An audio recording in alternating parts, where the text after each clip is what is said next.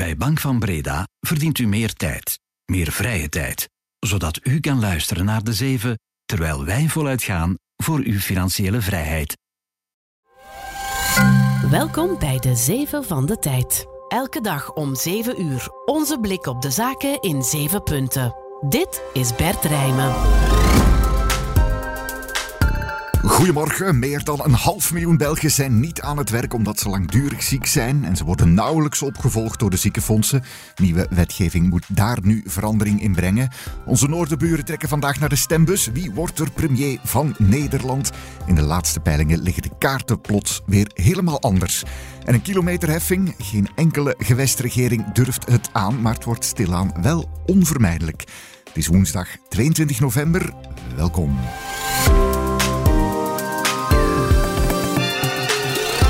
Zeven van de Tijd. 1. Maar we beginnen met toch een beetje hoopvol nieuws vanuit Gaza. In de loop van de nacht heeft de Israëlische regering ingestemd met een meerdaags staakt het vuren daar en de uitwisseling van 50 gijzelaars door Palestijnse gevangenen.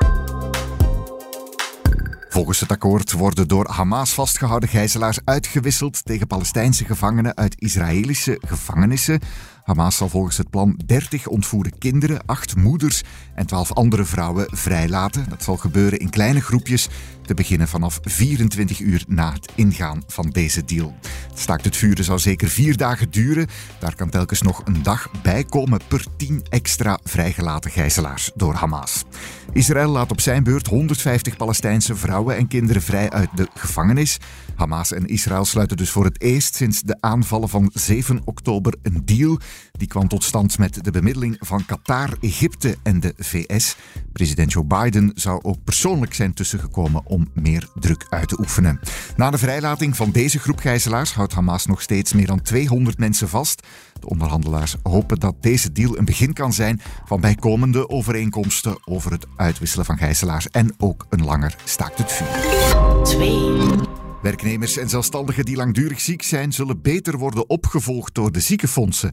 Dat staat in een nieuw wetsontwerp van federaal minister van Volksgezondheid Frank van den Broeke. Het wordt later vandaag besproken in de Kamer. Meer dan een half miljoen Belgen zijn niet aan het werk omdat ze langdurig ziek zijn. Vaak terecht, maar niet altijd. Het is een groot probleem dat ook snel groeit in omvang. Wat wil deze regering daar nog aan doen? Goedemorgen, Bart Haak. Goedemorgen Bert. Journalist politiek en economie hier bij de tijd. Vandaag wordt dat wetsvoorstel dus gelanceerd rond langdurig zieken. Wat wil Van den Broeke precies, Bart? Wel, de bedoeling is dat wie uh, ziek wordt en niet meer kan werken, dat die nauwer wordt opgevolgd door de controleartsen van de ziekenfondsen. Vandaag gebeurt dat soms, maar niet altijd. En het is uh, vandaag zeker geen verplichting. De bedoeling is dat het dat wel wordt en dat daar een soort cadans in komt. Dat ja, wie ziek wordt na vier maanden een ontmoeting heeft met de artsen van de mutualiteit en na zeven maanden opnieuw en na uh, elf maanden nog eens. Mm -hmm. Zodat uh, ja, iedereen het signaal krijgt. één, dat uh, hij of zij wordt opgevolgd. Dat er wordt gekeken of er nog perspectief is om terug aan de slag te geraken. En dat men niemand zomaar uh, achterlaat. Oké, okay, meer controlemomenten dus. Bart, dat betekent dan extra werk voor de ziekenfondsen. Die allicht ook geen middelen en personeel op overschot hebben. Zijn zij dan ja, akkoord? Wel, de minister zegt dat hij daarover lang heeft overlegd met de ziekenfondsen. En dat er ja, als oplossing eigenlijk een nieuwe manier van werken is uit de bus gekomen door te werken met grotere teams, waarin ook uh, psychologen, kinesisten uh, werken, ergotherapeuten. En daardoor kan een deel van het werk dat de, de controlearts doet, uh, deels gedelegeerd worden. Dat maakt het een beetje ja, handiger om, om al het werk rond te krijgen, om alle patiënten te zien. En dat zou moeten toelaten om het werk dan toch rond te krijgen. Het blijft daarbij wel de bedoeling dat de grote beslissingen, met name is iemand geschikt om te werken of, of niet meer geschikt wegens de ziek. Dat die beslissing altijd door een arts wordt genomen. Het RISIF zal dat controleren, dus in welke mate de, de mutualiteiten dat doen. En als ze dat niet doen, dan kan het een impact hebben op hun werkingsmiddelen. Dankjewel, Barta. 3. Een nieuwe dag, een nieuwe wending in de soap rond topman Sam Altman van OpenAI, het bedrijf achter ChatGPT.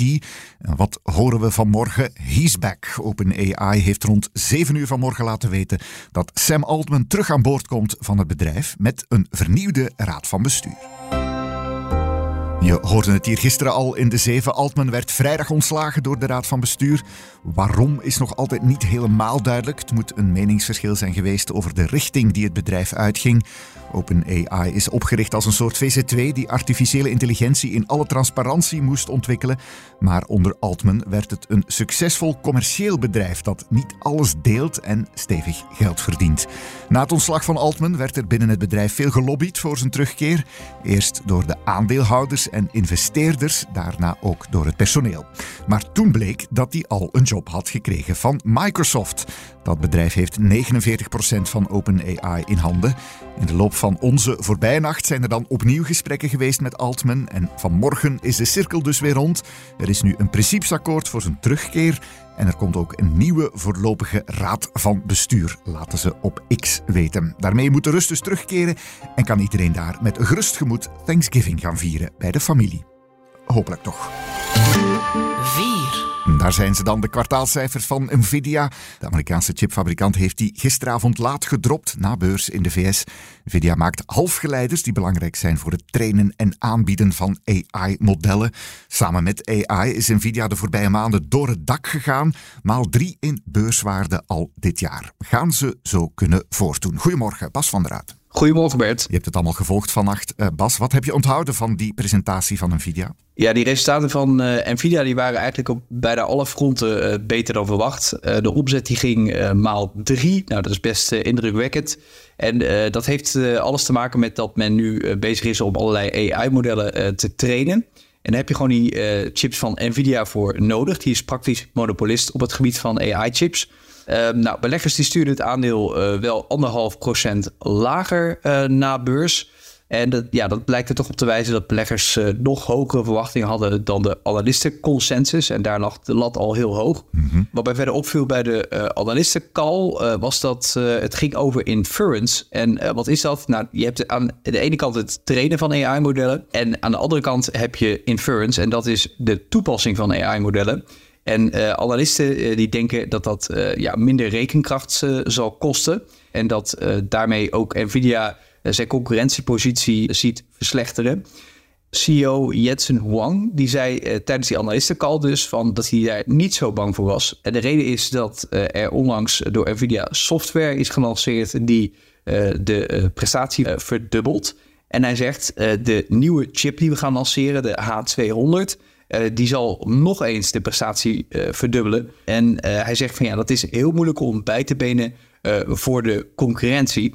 En ja, dat laatste dat kan dus betekenen dat Nvidia die, die zeer sterke positie in de markt, dat ze ja, die kan behouden. Dankjewel, Bas van der Uit. Graag gedaan. 5. De Belgische brood- en voedingreus van de Moortelen heeft zijn zinnen gezet op een Italiaanse sectorgenoot, Forno da Bindi, een overname van de Ciabattas door de Pistolets, zeg maar. Forno da Solobindi is een van de belangrijkste Italiaanse spelers in diepgevroren bakkerij- en banketproducten. De hoofdaandeelhouder daar is de Britse investeringsreus BC Partners. Die heeft het Italiaanse bedrijf onlangs in de etalage gezet. Het staat er mooi te blinken, want het is een groeibedrijf. Goed voor een jaarlijkse bruto bedrijfswinst van minstens 80 miljoen euro. En Van de Moortelen wil niets bevestigen, maar verschillende bronnen vertellen aan de tijd dat de Belgische bakker kandidaatkoper is. De Gentenaars zijn financieel ook in topvorm. Er hangt alleen wel een heel stevig prijskaartje aan de Forno. Er is sprake van ongeveer een miljard euro. Daarom zou Van de Moortelen nu samen met zakenbank Lazar op zoek zijn naar een externe partner die een cash-injectie wil doen. 6. Hoogdag van de democratie vandaag bij onze Noorderburen. Nederland trekt naar de stembus om een nieuwe Tweede Kamer te kiezen en dus ook een nieuwe premier. Zag er lang naar uit dat de reizende ster Pieter Omtzigt met zijn partij Nieuw Sociaal Contract de grote uitdager zou worden van de VVD van uitredend premier Mark Rutte. Maar in een paar last-minute peilingen komt Geert Wilders van de uiterst rechtse PVV toch weer opzetten. Maakt hij kans om straks in het Haagse torentje terecht te komen? De werkkamer is dat van de premier daar. En wordt het, nu Omtzigt wegzakt, toch weer een klassieke strijd tussen links en rechts in Nederland. Goedemorgen, Erik Sasik. Goedemorgen, Bert. Collega hier bij de tijd. Jij volgt het politieke reilen en zeilen bij onze Noorderburen. Wat is het bijzondere aan deze verkiezingen? Wel, um, deze verkiezingen betekenen eigenlijk het afscheid van Mark Rutte, die sinds 2010 premier was. En zijn afscheid betekent ook dat er een nieuwe politieke generatie komt. Alle vier de regeringspartijen in het kabinet Rutte 4 hebben een nieuwe kopstukken. En er zijn ook bovendien nog nieuwe uitdagers, zoals het nieuw sociaal contract van Pieter Omtzigt en de boer-burgerbeweging van Caroline van der Plas, die bij de provinciale verkiezingen in maart de grootste partij werd. Oké, nieuwe partijen, Erik, en nieuwe gezichten bij de gevestigde uh, partij. Wat uh, blijkt er nu uit die jongste peilingen aan de vooravond uh, van de verkiezingen? Het verrassende aan die peilingen is dat de PVV van de rechtsradicale populist Geert Wilders nu plotseling een opmars maakt. En dat heeft heel die campagne dooreengeschud. Want opeens ging het niet meer over de inhoud, over bestaanszekerheid, over woning, crisis, maar ging het vooral over de strijd om de strategische kiezer, de zwevende kiezer. In die peiling bleek ook dat Omtzigt eigenlijk zeer zwaar aan het verliezen is. Dat hij zijn plaats niet vindt in die klassieke links-rechts strijd die sinds een aantal dagen is opgedoken. Mm -hmm. En daarmee heeft uh, Wilders zijn, zijn positie wel ingenomen. En verder dus nog heel veel onbesliste kiezers. Erik, die zullen de kaarten dus moeilijk leggen vandaag, dat is bijna zeker. Uh, ja, gaan we dan naar zo'n ja, superlange regeringsvorming daar, net zoals de vorige keer. Toen hadden ze het ook al over Belgische toestanden. Ja, inderdaad. De twee vorige keren hebben ze ook records gebroken. En nu kan het ook zijn omdat je hebt vier partijen die elkaar evenwaardig zijn, elk rond de 25, 27 zetels schommelt. De VVD van ex-premier Mark Rutte, de PVV van Geert Wilders, de linkse alliantie GroenLinks PvdA van Frans Timmermans en dan het nieuwe sociaal contract NSC van de vernieuwer Pieter Omtzigt. Maar dan is er een heel diep gat naar de volgende partijen. En je hebt dan nog twaalf partijen die tussen de acht zetels halen en een hele hoop partijen die rond de drie, vier zetels schommelen. Dus ofwel krijg je een formatie van een aantal grote partijen die toch de handen in elkaar slaan.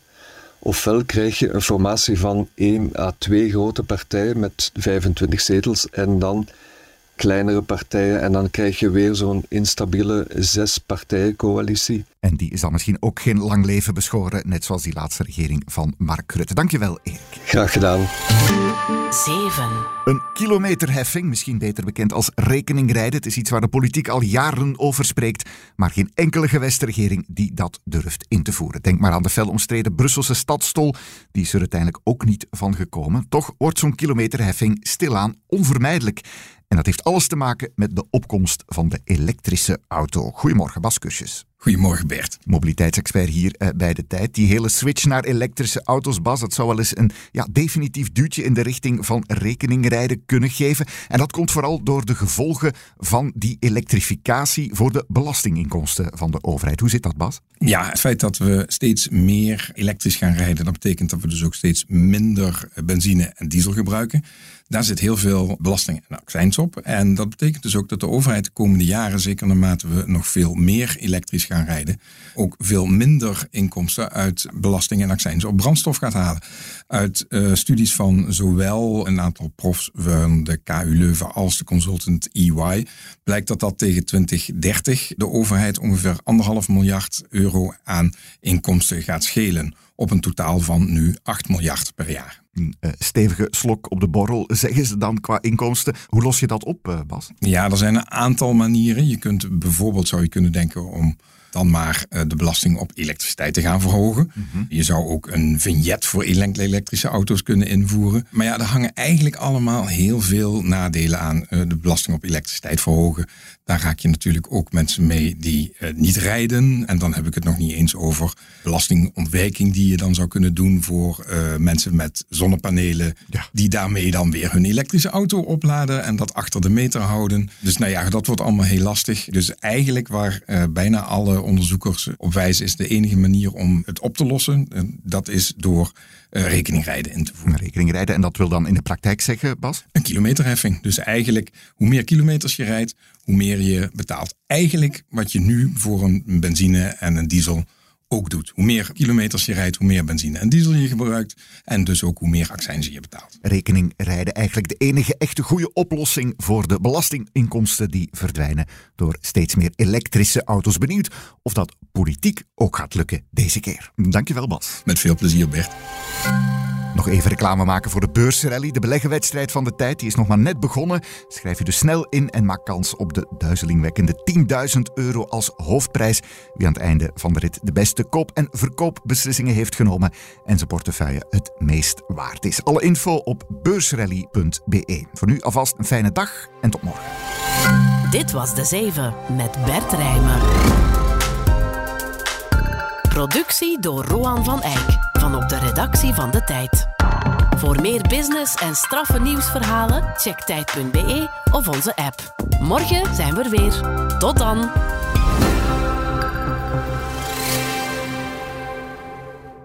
U verdient meer tact. U verdient meer contact. U verdient meer oogcontact met uw financiële partner, die ook oog heeft voor uw financiële situatie. Ook u verdient meer Bank van Breda. Professioneel en privé. Bank van Breda. Enkel voor ondernemers en vrije beroepen.